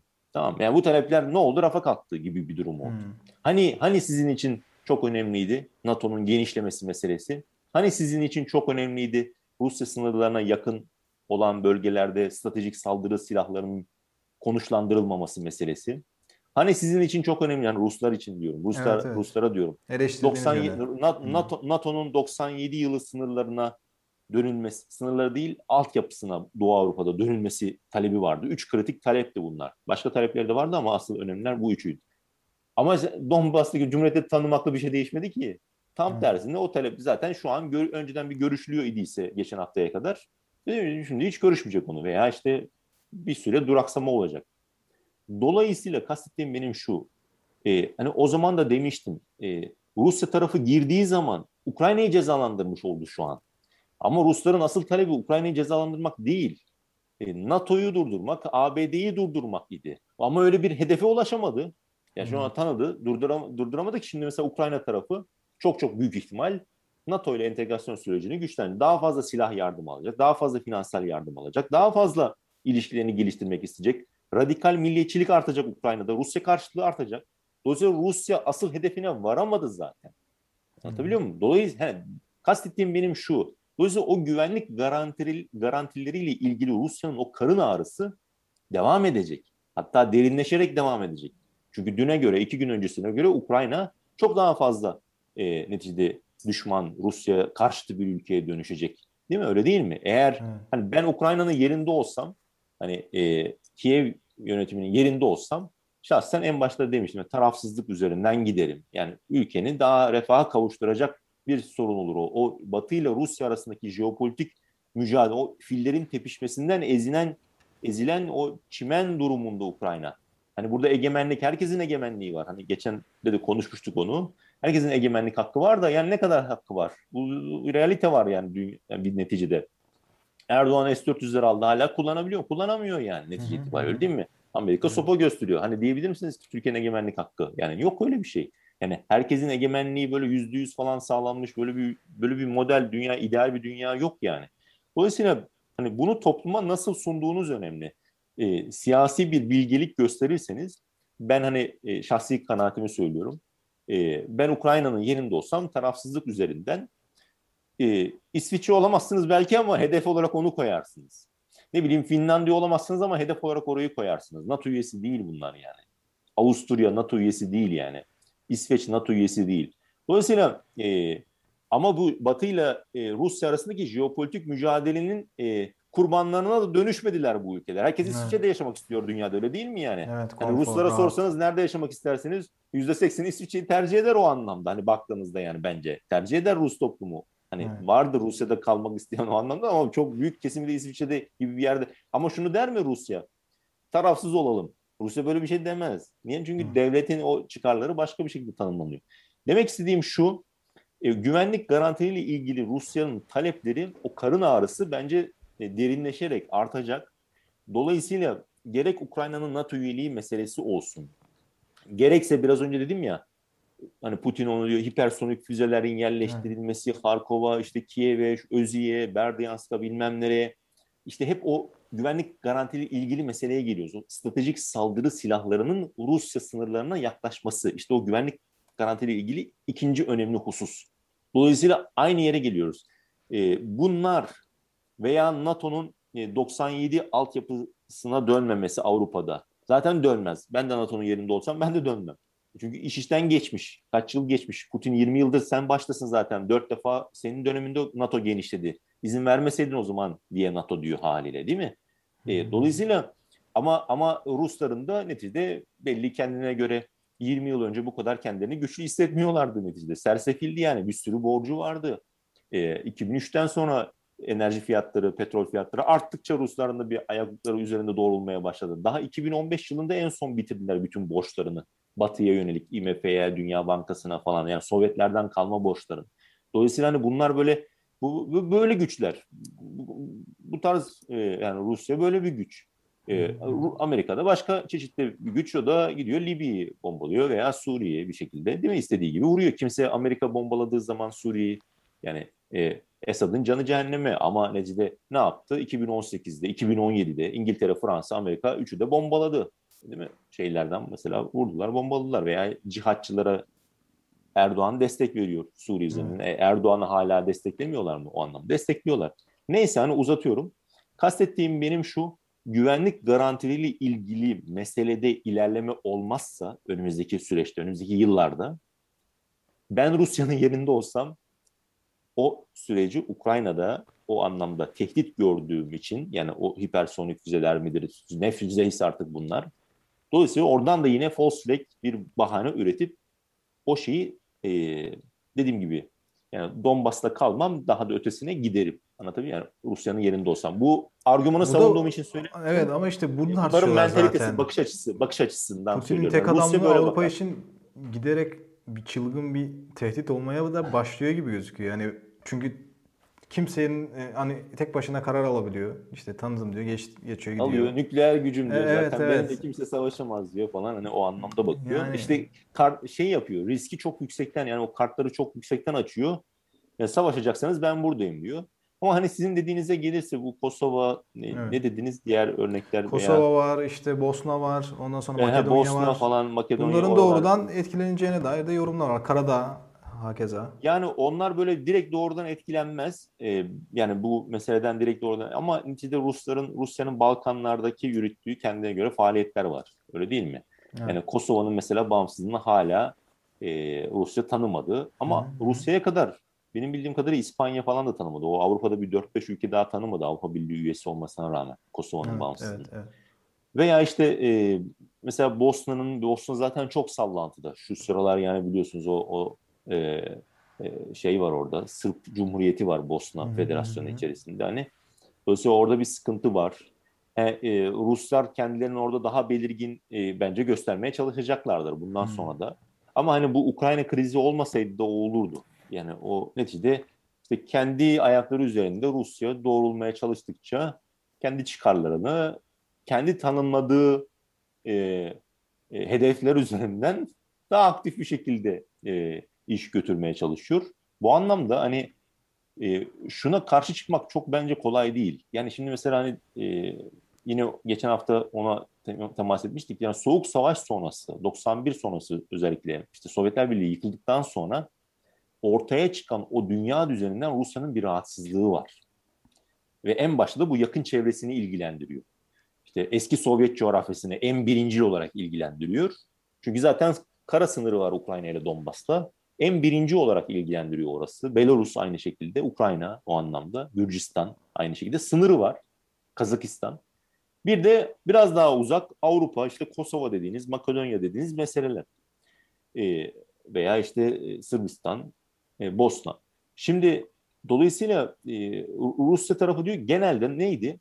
E, hep böyle dünya düzenleri ne zaman kuruldu? Savaşlardan sonra kuruldu. Evet. Yani hani 1618 hani biz Birinci Dünya Savaşı ne oldu? İşte şey oldu. Milletler Cemiyeti falan değil mi? Bir düzen kuruldu. Hmm. Gitmedi. Almanya çok orada hırpalandığı için o tek karşı oldu. İkinci Dünya Savaşı işte BM Birleşmiş Milletler kuruldu. Hmm. Ama eskiye gitseniz mesela Napolyon o savaşı hani Rusya'ya yönelik o yürümesi 1806-1812 idi herhalde diye hatırlıyorum. E, ne oldu? Mesela o gün o, o günün şartlarında o da bir dünya savaşıydı aslında. Yani biz Napolyon'un Moskova ile Rusya ile savaşı falan diyoruz ama hani veya Avrupa ile savaşı diyoruz ama o, o zamanın şartlarında o da dünya savaşının ne oldu? Viyana Konferansı 1815 işte bir düzen kuruldu. Birinci Dünya Savaşı'na kadar gitti o Balkan Savaşı'na kadar. Bu adım peki yeni bir dünya veya, için bir şey mi? Hani Atılmış demek istediğim veya 1618-1648 o Westfalia sistemi kuruldu değil mi? O da o zamanın 30 yıl süren savaşlar. O da bir dünya savaşıydı. O zamanın hani siyasi atmosferine baktığınızda Avrupa içerisinde e, o anlamda kastediyorum. Westfalia sistemi gitti. O da 200 yıl gitti işte Viyana'ya kadar. Dolayısıyla bu soğuk savaş sonrası hani bir şey olmadı, savaş olmadı. Savaş olsaydı, güçler çarpışsaydı, etseydi yani umarız olmaz da nükleer savaş çünkü çıkma durumu var. Ama o düzen Rusya'nın çok dezavantajlı olduğu 90'larda kuruldu. Anlatabiliyor muyum? Yani şu anki düzen o onun sancısı var Rusya'da. Dolayısıyla bu diyor benim dezavantajlı olduğum zaman da böyle bir düzen kuruldu ve bundan ben rahatsızım diyor. Masaya gelin diyor. Yani yani Rusya diyor ki benim diyor kalbim ağrıyor diyor. Tamam benim canım şeyim ağrıyor diyor. Sen bana diyorsun ki diyor yok yat geçer. Ya adam kalp krizinden gidecek abi ya. Bunu Rusya'yı savun, savunuyor, savunuyor diyecekler de mesele o değil. Ha. Mesele Bayağı bir eleştiri örnek... var size bu ara. Onu evet, görüyorum böyle. Ama ben Rusya'nın pozisyonunu anlatmak başka bir şey. Rusya'nın yaptığı hamleleri desteklemek başka bir şey. Ben desteklemiyorum o anlamda. Söyledim zaten. Ama hı hı. hamlelerini açıklamaya çalışıyorum. Açık açıkladım diye de Rusya yanlışı anlamına gelmemesi lazım. Yani o doğru anlasın. Veya yani anladığım kadarıyla siz ben biraz durum tespiti yapıyorsunuz. Durum tespiti yapmaya çalışıyorum. Rusların niye böyle e, ta, tavır geliştirdiklerini anlatmaya çalışıyorum. Adam diyor ki kalbim ağrıyor benim diyor. Benim diyor canımın içine vuruyorsun diyor. Bak diyor geldiğin diyor. Hipersonik füzeleri o füzeleri yerleştiriyorsun diyor. Beni rahatsız ediyorsun. NATO genişliyorsun diyor. Genişliyorsun ama herkesin bir savrı var diyor. E sen bana git yat geçer diyorsun diyor. Yani tamam bunu böyle bir şey yok. Adam yani dolayısıyla bunu kabul etmek lazım. Ha şimdi mesela bakıyorum ben hani 3 aydır Biden'la kaç defa görüştü Putin tamam mı? Veya işte Lavrov Blinken'la görüşüyor. Bakıyorsunuz şimdi Rusya tarafı diyor ki her açıklamada bak 3 aydır 4 aydır mesela bugün Erdoğan'la yaptığı açıklamada da Erdoğan'la telefon görüşmesi yaptı Putin. Kremlin açıklamasında güvenlik garantili diyor. Türkiye Türkiye tarafında öyle bir şey yok. Hadi Türkiye tarafını çok ilgilendirmiyor. Hani biraz daha üst level işte ABD, NATO falan dersiniz. Bakıyorsunuz Biden tarafı Beyaz Saray açıklama yapıyor. Rusya güvenlik garanti öyle hiç kelime yok yani tamam hep military build up işte şey Rusya'nın Ukrayna sınırındaki askeri e, şeyini güçlendirme, askerlerin sayısını arttırması falan filan veya hep hiç mesela tamamen görmezden gelme var. Ya, tamam mı? Yani hiçbir resmi şeylerde yok. Bu güvenlik garantiyle ilgili mesela konuşmuş NATO açıklama yapıyor. Rusya'nın güvenlik garantiyle ilgili e, isteklerine veya anlaşma metinlerine şöyle bir cevap ver. Böyle bir açıklama yapmıyorlar. Yani görmezden geliyor. Bu da çok net. Belgesinden bakabilirsiniz. Lavrov, Blinken açıklama yapıyor. Blinken görüştük diyor Lavrov'la. Mesela Lavrov tarafı Rus Dışişleri Bakanlığı'nın yaptığı açıklamaya bakıyorsunuz. Rusya tarafı güvenlik garantili ilgili e, meselelerde diyor bir ilerleme kaydedilemediğinden dolayı hani sallıyorum üzüntüsünü belirtti veya işte bundan rahatsızlığını belirtti diyor. Amerikan tarafına bakıyoruz hiç tek kelime yok güvenlik garantiliyle ilgili. Yani dolayısıyla buradaki vurgu yapmış yani o zaman sizin bak. Ya ama 3 şey. aydır 4 aydır bunu her şeyde bu tarz önemli telefon görüşmesi veya yüzde görüşmelerde bunu hep yapıyorlar. Bunu dile getiriyorlar. Şimdi bu mesele de zaten nitekim e, 2007'den beri en az 2007'den beri şeyi var. 2007'de Putin Münih Güvenlik Konferansı'nda da o güvenlik garantili ilgili meseleyi söylüyor. E, onu söylediği zaman O zaman McCain de orada Putin'in karşısında. E, Robert e, Gates de var. O zaman ABD Savunma Bakanı o toplantıda. Robert Gates çıkıyor Münih Güvenlik Konferansı 2007'den sonra şu ana kadar gelmiş geçmiş diyor en berbat en rezil konuşmaydı diyor Putin'in konuşması için diyor. Soğuk savaş sonrası diyor. Soğuk savaş sonrası diyor Rusya tarafının en yaptığı en berbat konuşmaydı diyor mesela. Anlatabiliyor muyum? 2007'de takmadılar. Yani ABD tarafı takmadı. Zaten 2007 daha henüz o kadar şey değildi. Ne yaptı? Sırbistan işte Kosova bağımsızlığını tanıdı etti Batı dünyası. Çünkü o 99 Yugoslavya yani o Sırbistan bombalanmıştı Belgrad. Hep bu ama Putin'e argüman üretiyor. Putin bunu konuşuyor. Sürekli yeri geldiğinde hani Almanya o şans e, şansölyeyle Scholz'la konuşurken de söyledi ya hani hı hı. siz dedi o zaman dedi vurdunuz dedi. NATO dedi savunma örgütü değil dedi. Yugoslav işte Sırbistan'ı Belgrad'ı bombaladınız dedi. Şansölye de dedi ki o zaman dedi ama soykırım tehdidi var dedi. İşte o, da dedi ki biz de şimdi Donbas'ta aynı tehdidi görüyoruz falan diyor. Şimdi argüman veriyorsunuz Rusya tarafına yani Batı o anlamda veriyor. Libya'yı bombaladınız. Kaddafi diktatör diktatör canı cehennem ama ülke kendi hala değil mi, seçim yapamadı en son 24 Aralık'ta seçimler hala bir daha iki tane bir daha şey var lider var ülkede şu anda. Paramparça oldu ülke neticede. Yani hmm. iki tane ülke şey var iki tane e, başbakan, Başbakan, iki tane Merkez Bankası, iki tane ordu, bilmem kaç tane. Yani dolayısıyla hala ayakları üzerine doğru. İşte bu tek taraflı Batı'nın özellikle ama bunu yani Rusların da yaptığı var. Yani bunu da söylüyorum. Gürcistan tabii ki girdi. Ama hep baktığınızda biraz Rusların böyle 2008'de Ruslar Gürcistan'a girdi. Başladı nasıl yani o Sırbistan'ın bombalanması meselesi, Belgrad'ın bombalanması meselesi, NATO'nun dahil olması ki bence NATO'nun dahil olması ben mesela o süreçte o anlamda yani e, haklı buluyorum. Yani orada bir neticede çok ciddi bir tehdit vardı. E, o ayrı bir konu. Hı hı. E, ama benim benim haklı bulmam başka bir şey. Rusların bunu e, buna nasıl baktıkları e, o başka bir şey. Dolayısıyla onlar ona bahane olarak veya ona bir gerekçe üretiyor. Libya meselesi aynı şekilde, Suriye, Afganistan, e, Irak, Irak'ın işgali işte adam e, Birleşmiş Milletler'de e, şey dedi yani kimyasal silah vardı. Sonra yalan söylediklerini kendileri kabul ettiler yani. Dolayısıyla o güveni vermedikleri için öyle bir sorun var. Ve bu karın ağrısı bence devam edecek. Derinleşerek artacak, artarak devam edecek. Kastettiğim benim şu, bir şekilde bence batılı ülkelerin, e, lider ülkelerin, önde gelen, önde gelen ülkelerin bu meseleyi bir defa Avrupa'nın o güvenliğiyle ilgili meseleyi bunu adam akıllı ama gerçekten konuşmaları Rusya ile bir şekilde yeni bir anlaşmaya varılması lazım. Bence. Günün sonunda olacak olan ya savaş, büyük bir savaş olacak falan öyle olacak. Yani öyle olabilir. Hani büyük bir savaş derken bunun içine nükleer savaş da dahil ama hani tabii ki hani inşallah olmaz hani. Yani şey değil bu, istenen bir şey değil. Ama hani nükleer savaş olmasa bile büyük bir savaş da olabilir günün sonunda. Ukrayna üzerinden de patlak verebilir bu netice itibariyle. Ee, olmadığı takdirde de işte böyle Rusya'yla işte Bosna'da bilmem nerede işte başka yerde Kosova falan başka başka sorunlarla uğraşmak durumunda kalacak ister istemez Batı. Yani o e, Agit kuruldu ya 1975'te hani hep e, Ruslar şunu diyor 50 yıl sonra yeni bir yani Agit gibi bir şeyin kurulması 2025 yani bu, buna hala imkan var mı? Hani şu an başlasanız bu müzakerelere e, yani Rusya'nın güvenlik garantileri talepleri var. İlle de o maddelerin hepsi e, kabul edilmek zorunda da değil. Yani müzakere edeceksiniz ama sürecin başlaması bile olumlu bir tesir etki eder bence. E, yani böyle 50. yılında, 60. yıl neyse 55. 53. yılında bir yere varılabilir. Eğer iyi niyet olursa, karşılıklı iyi niyet olursa buna ben imkan olacağını düşün. Yani e, şöyle söyleyeyim. E, e, tamamen ihtimal dışı görmüyorum ama düşük bir ihtimal tabii ki şu an. Daha da düştü.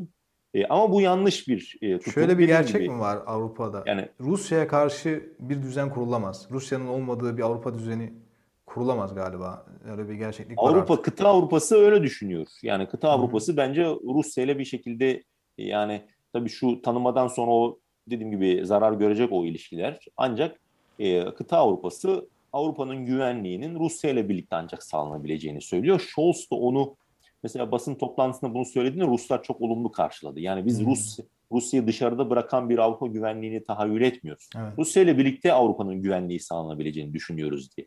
Şimdi burada bir Anglo-Sakson ekip, o İngiltere-Amerika ekibi ayrışıyor. Onlar daha ziyade çünkü mesela NATO şöyle, NATO nedir? NATO biraz da bir sürü nedeni vardı veya hizmet eder birçok meseleye ama Bir tanesi de en önemlilerinden bir tanesi de bu Anglo-Saksonların İngiltere ve Amerika'nın e, Avrupa'daki varlığını e, stratejik, askeri, jeopolitik varlığının meşru bir aracıdır. Öyle değil mi aynı zamanda? Evet. Dolayısıyla hani orada biraz bence e, takos koyan e, ve bu sürece biraz onlar suçlama anlamında da söylemiyorum. Ben de Amerika'nın yerinde olsam aynı şeyi yaparım veya benzer şeyleri yaparım yani eğer şey değilsem. İngiltere aynı şekilde. Çünkü onlar daha ziyade Rusya'yı çevreleme hani e, şey yapalım. NATO'nun kuruluş amacı neydi? Ee, hani Almanya'yı ne diyor? Ee, şeyde Amerika'yı Avrupa içinde tutalım. NATO'nun kuruluş amacını o ilk genel sekreteri söylemişti. Amerika'yı Avrupa içerisinde tutmak, Almanya'yı e, aşağıda tutmak, yani kontrolümüzde tutmak, Rusya'yı da Avrupa'nın dışında tutmak. Yani NATO'nun kuruluş amacı bu şekilde. O zaman Sovyetleri, yani Sovyetleri de dışarıda tutmak, Avrupa dışında tutmak. Dolayısıyla bu e, mentaliteyi biraz bırakmak lazım. Daha hani eğer barışçıl bir şey amaçlanıyorsa, hani tekrardan e, o tarz krizlerin çıkması istenmiyorsa bence hani masaya oturulması lazım. Ama bu düşük bir ihtimal mi? Düşük bir ihtimal. Rusya'nın işte tanımasıyla e, şey mi oldu? Daha da düştü, daha da düştü. Dolayısıyla şimdi herkes bir pozisyonlarını bir gözden geçirecek. Yaptırımlar, şunlar bunlar bir 6 ay sonra, bir yıl sonra bir bakacaklar. Hani 2008'de birebir olmayacaktır, aynısı olmayacaktır ama 2008'de biliyorsunuz bir şey olmuştu. Hani Ruslar yani Gürcistan, Apazya, Güney Ossetya falan hani kopardı. E, Gürcistan'dan sonra 2009 hani şey Obama geldikten hemen sonra 2009'da e, bir reset falan politikası izlendi. Start e, anlaşması imzalandı o stratejik füzelerle ilgili yine. Medvedev vardı o zaman Obama ile falan imzaladılar. Ha, böyle bir şey yaşanır mı? Bence yaşanmaz. Yani düşük bir ihtimal. Ama hani çalışırsanız böyle bir şey yaşanır. Yani bir duraklama sonrası bir bakmak lazım nereye gelecek. Yani biraz Ruslar e, şey yaptılar burada yani tanıma derken hani Rusça onu e, böyle e, hani Lütçe ujasını kanesçem e, ujas beskansa derler. Yani e, korkunç bir son veya kötü bir son her halükarda kötü bir son her halükarda e, sonu gelmeyen kötüden, kötülükten daha güzel bir şeydir yani daha iyidir. Yani bir defa biz tanıyalım, edelim işte kötü bir son adını koyduğu anlatabiliyor muyum? Öbür türlü sürekli şey yapacaktı yani Ukrayna girecek mi, girmeyecek mi? Donbas'a hareket olacak mı, olmayacak mı? Avrupa, e, Amerika sürekli askeri yardım gönderiyor. Dolayısıyla bunlar bugün yarın girerler, Donbas'ı bir hareket düzenlerler mi? Dolayısıyla hani biraz orada noktayı koyayım, kötü bir son olsun. Tamam kötü bir son oldu, çok yani, yani kötü bir boşanma oldu ama her halükarda hani baktığınızda ehvenişer mi? Bence ehvenişer. Neticede daha büyük bir savaşta çıkabilirdi. Hala çıkma ihtimali de var ama bu epizodda değil bence. Yani anlattım biraz önce. Yani Hı-hı. Ukrayna ordusu bir saldırı gerçekleştirirse, işte flag öbür NATO üyeliğiyle ilgili aşamalar kaydedilirse belli aşamalar. O yüzden orada hala bir ihtimal var tabii ki savaş ihtimali ama şu an değil bence. Yani ilerleyen süreçte.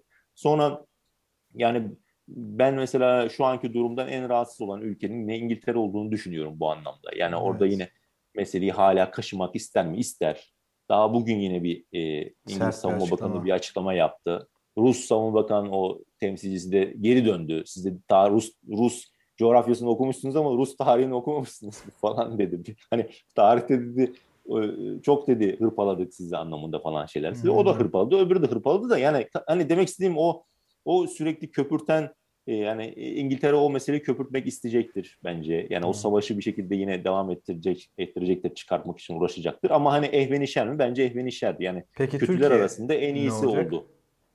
Türkiye nasıl Gelelim oraya. Bir de hani bir cümle isterseniz. şunu da söyleyeyim. Hani Hı-hı. orada mesela Avrupa Birliği açısından düşündüğünüzde de bence iyi oldu. Yani kötüler arasında kötüler arasındaki en iyi seçenekti bu. Neticede savaş çıksaydı düşünsenize hmm. yüz binlerce Mülteci milyonlarca yani Ukraynalı gidecekti şeye yani. Hem savaş sürecekti. Belki yıllara dayanabil yani uzanabilecek bir savaş olacaktı. Yani İnsanlar Kuzey Yakın Kuzey Yakın 2'yi o zaman şu an yaptıkları gibi sertifikasyonunu erteledik falan demezlerdi. Direkt gazı geri geri alın falan demek zorunda kalırlardı. Yani anlatabiliyor muyum? Yani daha bir şey olurdu. E, dolayısıyla hani o bence Avrupa kıta Avrupa'sının da işine geliyor. Avrupa Birliği'nin de ehveni şerdir bence. Hani e, başka yani tweet atmıştım da onu söylemiş olayım ama buraya gidiyor.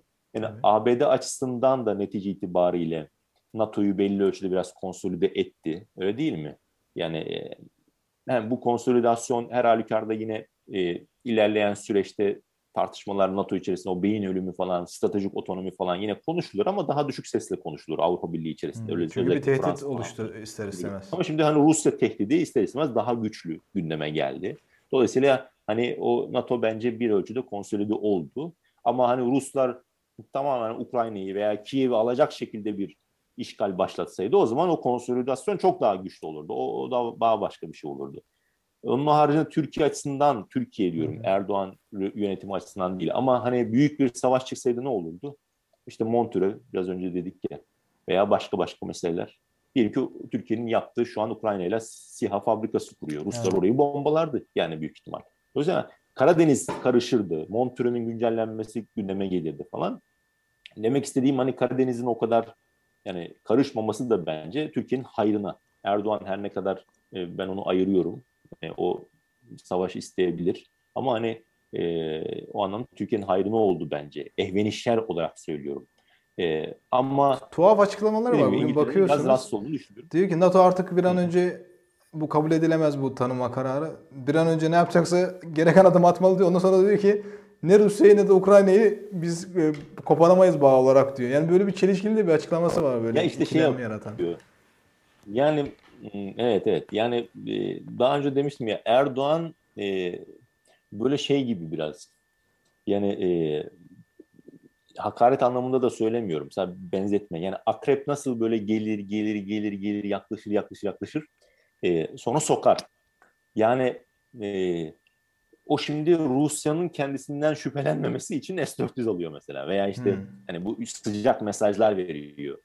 Diyor, deniz altında yaparız diyor mesela Eylül ayındaki görüşmeden evet. sonra mesela. Veya üçüncü nükleer santrali de yine Ruslarla yaparız falan ikincisine neyse diyor. Yani şüphelenme benden diyor ama ama hani affedersiniz hani şey e, anlamında da söylemiyorum. Yani hani yaklaşıyor, koynuna giriyor, o sokacak Rusya'yı. Yani ben hani e, Rusya buna izin Erdoğan'ın öyle bir şey yap. Nasıl? Günün sonunda günün sonunda ben öyle olacağını düşünüyorum. Yani bu Ukrayna mı olur, Karadeniz mi olur, başka bir şey mi olur? E, hmm. Yani böyle bir e, yapacaktır onu. Suriye mi olur? Yani bilemem artık. Ama e, böyle Erdoğan'ın bir taşeronluk görevi var. Ben bir fırsatını bulsa yapar diyorsunuz. Fırsatını bulsa değil sadece. E, yani nasıl diyeyim e, fırsatını bulabilir neticede. Yani fırsatını atıyorum Amerika'dan, bunun, NATO'dan bunun, tam böyle destek gelse Türkiye'ye. O şimdi, he, o anlamda destek bulması lazım. Kendisinin dediği işte otoriterlik, diktatörlük Türkiye'deki Hı-hı. Yani onların böyle tartışılmaması, kendisine beka kaygısının olmaması lazım. Onlar lazım. Bir de şunu da e, öngörmesi lazım. Rusların vereceği tepkinin e, kendisinde o kadar zarar vermeyeceğini de düşünmesi lazım. Dolayısıyla hani Karabağ'a girdi mesela işte Azerbaycan falan tam kırmızı çizgiler geldi yaklaştı. Ruslar pat deyince durmak zorunda kaldı mesela. Veya Libya'da hmm. Sirte Cufra diyordu mesela değil mi? Hep Sirte Cufra Cufra Cufra. Ne oldu? Ruslar oraya girince olmadı yani. Şey olmadı veya yani müdahalede bulununca yapamadı yani. Hani o kırmızı çizgileri Erdoğan biliyor. Ama o hani Ukrayna mesela SİHA'sı şu su, veriyor desteğini şu bu savaş gemisi üretiyor bilmem ne motorlar savunma sanayi işbirliği ama bir taraftan diyor mesela ara buluculuk da yapabiliriz diyor. Niye? Yani tepkisini Moskova'nın tepkisini de azaltmak için. Ya ben size teklif ettim kardeşim işte ara buluculuk yapma ev, bak ev sahipliği yapabiliriz dedim diyor. Yani bir yere kadar o şeyi yapıyor ama hani ben e, bunu umduğum için beklediğim için yani böyle ümitlendiğim için söylemiyorum ama ben e, özellikle İngiltere Erdoğan ilişkileri dikkate alındığında Rusya'yı e, çevreleme, Rusya'yı rahatsız etme bağlamında ben Erdoğan rejiminin ciddi bir taşeronluk üstlendiğini düşünüyorum. Bunu ispat edemem. Hamlelerine bakarak argümanlarımı öne sürerim. Erdoğan'ın yaptığı hamlelere bakarak bunu ileri sürüyorum. Bunun belgesi olmaz zaten böyle bir şeyin. Ben de böyle bir kanaat var ve bu her geçen gün güçleniyor. Neticede Ukrayna meselesi iki sene önce böyle değildi. Karabağ meselesi bu durumda değildi. Hani Suriye, Libya bunları böyle peş peşe koyduğumda ard arda Karadeniz, Kıbrıs, e, Doğu Akdeniz meselesi uzun bir konu. Hani konuştuk bunu da peyderpey zaman zaman konuştuk. Ama hani öyle yani Rusya'nın rahatsız edilmesi, çevrelenmesi, yorulması, enerjisinin tüketilmesi meselesinde Erdoğan'ın o anlamda bir taşeronluk görevi üstlendiğini ben düşünüyorum. Ee, ha, sizin dediğiniz son bitirelim onu uzattık çok. Ee, nedir? Ee, hani Türkiye'nin Türkiye Türkiye'ye net sordunuz siz Türkiye buradan sonra hani ne olabilir değil mi? Aslında az çok bahsettik. Ses gelmiyor ben sizi duymuyorum.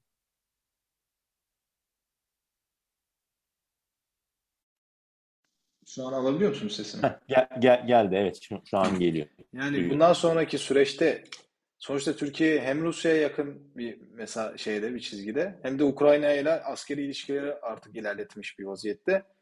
Bundan sonra Türkiye'yi nasıl etkiler bu süreç? Şimdi mesela ben şunu merak ediyorum bir defa. Şimdi birçok yaptırım hani batıya, batılı ülkelerin yaptırımları söz konusu olacak. E şimdi e, Kırım'dan sonra mesela o yaptırımlara katılmadı Türkiye 2014'te. Ama 2014'te Türkiye-Rusya ilişkileri de böyle değildi. Şu anki gibi değildi. Bölgesel politikalar falan şu an böyle çok girift hale geldi falan. Yani 15 Temmuz yaşanmamıştı. Hani o zaman mesela o yaptırımlara katılmamıştı. Ama şu an Erdoğan ülke içerisinde zaten hani tek adam e, evet. e, ama Batı'da meşruiyet de arıyor. Bir şekilde Biden'la görüşme şu bu falan. E, işte Ermenistan'da hani normalleşme meselesini falan da mesela biraz ondan bence gündeme getiriyor. Veya işte Birleşik Arap Emirlikleri Suudi Arabistan'la, Mısır'la bir şekilde değil mi anlaşmaya çalışıyor veya yok, evet, normalleşmeye evet. çalışıyor. İsrail'le aynı şekilde ilişkileri. Dolayısıyla hani Batı nezdinde tekrardan kabul görmek istiyor.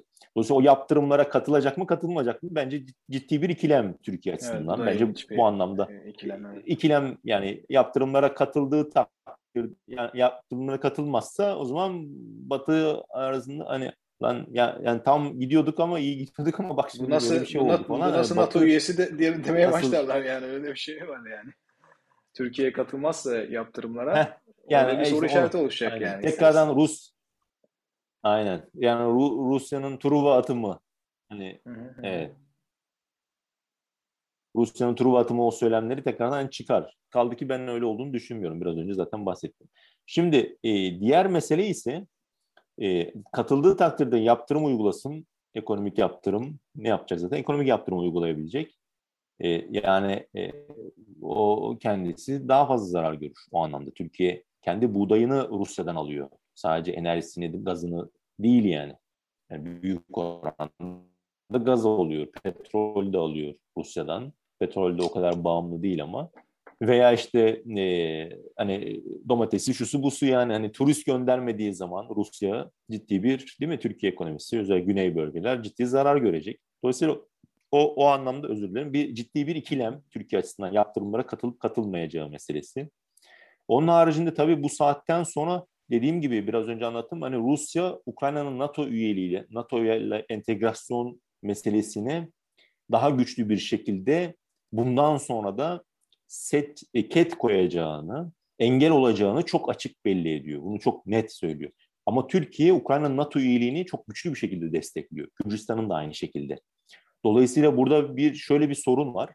Ee, yani Türkiye'nin Ukrayna ile geliştireceği bu askeri stratejik ilişkiler, savunma sanayi alanındaki ilişkiler bence e, Rusya tarafını hani iki gün öncesine göre daha fazla rahatsız edecek. Rusya tarafının daha fazla radarında olacaktır. Ve bu anlamda Türkiye'ye yönelik e, Ukrayna ile Türkiye arasındaki o askeri ilişkiler meselesinde ben baskıyı arttırabileceğini düşünüyorum. Ve bununla paralel giden başka bir süreç özellikle bu SİHA'lar. Yani SİHA'lara başka belki silahlar da eklenebilir ama hani en başta SİHA'lar. Şimdi Ukrayna ordusu biraz önce bahsettik ya SİHA bir saldırı silahı. SİHA bir tank savar değil. Yani tank gelir siz karşıdan savunmaya çalışırsınız. Yani savunma silahı gibi. Bu tank savar değil. SİHA bir saldırı silahı. Savaşı başlatabilecek bir silah. Hani Ukrayna ile Rusya arasında artık çünkü cephede temas hattında Rus askeri var. Ukrayna ordusu, Ukrayna askerinin karşısında Rus askeri var. Ayrılıkçılar yok. Artık Türk sihaları orada vurduğu takdirde ayrılıkçı liderleri vurmayacak, ayrılıkçıları vurmayacak. Rus askerini vurmuş olacak. Dolayısıyla bu anlamda e, Türkiye bu satışı gerçekleştirirken veya ortak üretime gitti Ukrayna ile bunu daha dikkatli ele alması lazım. Yani daha tehlikeli, yani daha tehlikeli sularda yüzüyor olacak Rusya nezdinde, Rusya açısından bakıldığında Türkiye, Ukrayna arasındaki savunma sanayi alanındaki işbirliği ve bunun derinleşmesi e, dediğim gibi e, ben Rusya'nın kaşlarını daha fazla kaldıracağı, daha fazla bunun faturasını başka yerlerden çıkarabileceğini düşünüyorum. Bunu bunu yapmasını desteklemiyor. Hayır, o anlamda da demiyorum. Rusya'nın bu ama Rusya böyle tepki verir diyorum. Yani öngörüde bulunuyorum bir anlamda. Bu da önemli. Bir diğer tabii şey işte böyle pazularını gösteriyor Rusya, kaslarını gösteriyor değil mi? Yani sert güç, sürekli sert güç.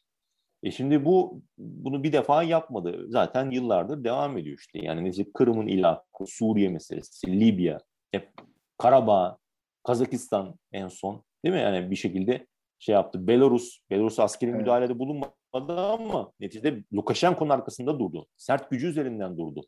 Netice itibariyle e, protestolar şundan dolayı durmadı Belarus'ta. Yani e, ne güzel Rusya çok çekici bir ülke. Böyle değil yani. Dolayısıyla e, protestoları bastırınca Lukashenko güçlü bir şekilde sert güçle o orada ama Rusya'dan destek aldı o anlamda. Tabii. Demek istediğim e, hani bunları böyle ard arda koyduğunuzda Gürcistan aynı şey 2008 Rusya'nın önümüzdeki yıllarda özellikle şu 5-6 yılda yani e, Suriye ile birlikte, Kırım'ın ilhakı ile birlikte bu sert güç enstrümanlarını kendi dış politika, savunma e, siyasetinde çok daha güçlü bir şekilde başvurduğunu görüyoruz ve muhtemelen bundan sonra da göreceğiz. Biraz önce de yine Ukrayna bağlamında bunu anlattık. Dolayısıyla ama Türkiye-Rusya ilişkileri ise Suriye Savaşı ile birlikte zaten sert güç enstrümanları üzerinden giden bir mücadele, bölgesel güç mücadelesi üzerinden şekilleniyor zaten şu son 8-10 senedir yani. Özellikle de 2015'ten sonra Rusya'nın müdahale olmasından sonra Suriye'ye askeri olarak. Evet. E, şimdi mesela 10 sene önce Rusya-Türkiye ilişkileri böyle bir model üzerinde gitmiyordu. Yani 2009, 2010, 2011'de böyle bir durum yoktu. Yani 2010-11 yıllarını ben o anlamda Türkiye-Rusya ilişkileri açısından şu soğuk savaş sonrası en yani 2009 ortalarından işte 2011 ortalarına kadar o iki yıl, iki yıllık, iki buçuk yıllık neyse bir süre o en iyi dönemdi bence. En dengeli dönemdi e, veya işte ilişkiler arasından daha böyle güven söz konusuydu. E, vizeler kaldırılmıştı. Bir devrimdi. Rusya da vizeleri kaldırmıştı Türkiye'ye. İlk defa Türkiye Cumhurbaşkanı o zaman Abdullah Gül'dü. 2009'du zannediyorum. İlk defa Moskova'nın haricine gitti Kazan'a gidebildi. Tataristan'ın başkentine gidebildi falan. Bunlar bir dönüm yollarıydı. İşte nükleer santral anlaşması o dönem imzalanmıştı. Samsun e, Ceyhan hattını e, Rusların yapması falan gündemdeydi falan. O, sonradan o öyle bir hat olmadı da. Neyse. Demek istediğim e, veya ticaret hacmi 2008'de zirveye varmıştı. Sonra ekonomik krizden dolayı e, düşmüştü falan. Ama bu özellikle 8-7 yıldır ve 15 Temmuz'dan sonra Erdoğan'ın e, Rusya'ya o anlamda e, bağımlılığı diyeceğim ama o taşeronluk görevini e, saf dışı bırakan bir durum değil bu. O başka bir konu. Birbiriyle ilişkili ama netice farklı meseleler bunlar. Çünkü gizli açığınız varsa onun onu bilenlerden birisi de Rusya o anlamda. O. E, ama Suriye üzerinden şekillenen, Libya üzerinden, Karabağ üzerinden, Kara, e, Karadeniz üzerinden, Karadeniz'deki NATO tatbikatlarını Türkiye müthiş derecede destekliyor e, ve e, askeri olarak da destek veriyor, şey yapıyor. Romanya, Polonya o şekilde. Ukrayna'nın NATO üyeliğini desteklemekle kalmayıp askeri ilişkiler, stratejik ilişkilerini geliştiriyor. Dolayısıyla evet. hep bu, bu Rusya'nın bu sert güç enstrümanlarına daha fazla başvurabileceği bir döneme giriyoruz. Girdik zaten böyle bir süredir böyle ve daha da fazla bu artacak. Ve buna paralel giden Türkiye-Rusya ilişkilerinde değişen model var. Ve bu asimetrik modellerde asimetrik modelin parçalarından, parametrelerinden bir tanesi de e, bölgesel güç mücadeleleri üzerinden o sert güç gösterimi üzerinden giden bir mücadele. Dolayısıyla bu Türkiye için çok daha tehlikeli bir süreç. Türkiye'nin hmm. bu süre ilişkileri için çok daha tehlikeli bir süreç. Ve e, bu anlamda hani ben e, yani Moskova'nın o Kremlin'in hani sert gücünün e, o nefesini e, tırnak içerisinde söylüyorum o nefesini hani e, Erdoğan rejimi e, bence ilerleyen dönemde ilerleyen yıllarda ensesinde daha yakından hissedecek. Yani hani öyle diyebiliriz. Hani böyle edebi ifadeler kullanayım diye çalışmıyorum. Sadece mesele anlaşılsın. O hani sürekli daha fazla hissedecek onu bence. Yani kısa e, vadede sen... belki çok etkili bir şey olmayacak gözüküyor ama uzun vadede etkileyecek anladım. Yani sen. şöyle hani uzun vade 10-20 yıl bence 10-20 yıldan bahsetmiyorum ben ama hani e, 3 aydan da bahsetmiyorum ama şu Hı. önümüzdeki birkaç yıl içerisinde bu mesele Hı. daha güçlü bir şekilde gündeme gelecek. Ya bunu göreceğiz, gözlemleyeceğiz zaten. Yani bu Moskova'nın Rusya'nın Tabii ki Türkiye'de iktidar değişmezse. Bir de öyle bir ihtimal var Tabii yani. o, o da var. O da var. O da var. Hı hı. Yani e, İdlib olsun, Suriye olsun. İşte neyse anlattık, bahsettik. Yani bunları gözleyeceğiz. Dolayısıyla bunlara e, Türkiye'nin yani Rusya ile ilişkilerini e, dikkat et, e, sürdürürken bunlara daha fazla dikkat etmesi gerekecek. Hı hı. Neyse burada bitireyim. Peki. Çok teşekkür ederim e, Kerim Bey. Yine tekrar görüşürüz önümüzdeki günlerde belki duruma göre. Umarım savaş çıkmaz. En azından yani bu şekilde kalır diyelim. Sonuçta işgal yine bir işgal var ortada ama umarım daha büyük bir şeye evrilmez diye temenni ediyorum. Yani hani yani ben de umarım öyle. Çok evrileceğini düşünmüyorum. Şu aşamada düşünmüyorum ama ilerleyen zamanda var. Ee, yani evrilirse de yani Ukrayna devleti yani kalmaz öyle. O sınırlar aşılır. Yani artık daha fazla daha büyük bir e, çatışmadan bahsediyor oluruz. Umarız tabii olmaz. Neyse. Evet. evet. Peki. Tekrar görüşmek üzere. Kendinize iyi bakın. Sağ olun. Ben teşekkür ederim. İyi günler, iyi akşamlar herkese. Görüşürüz.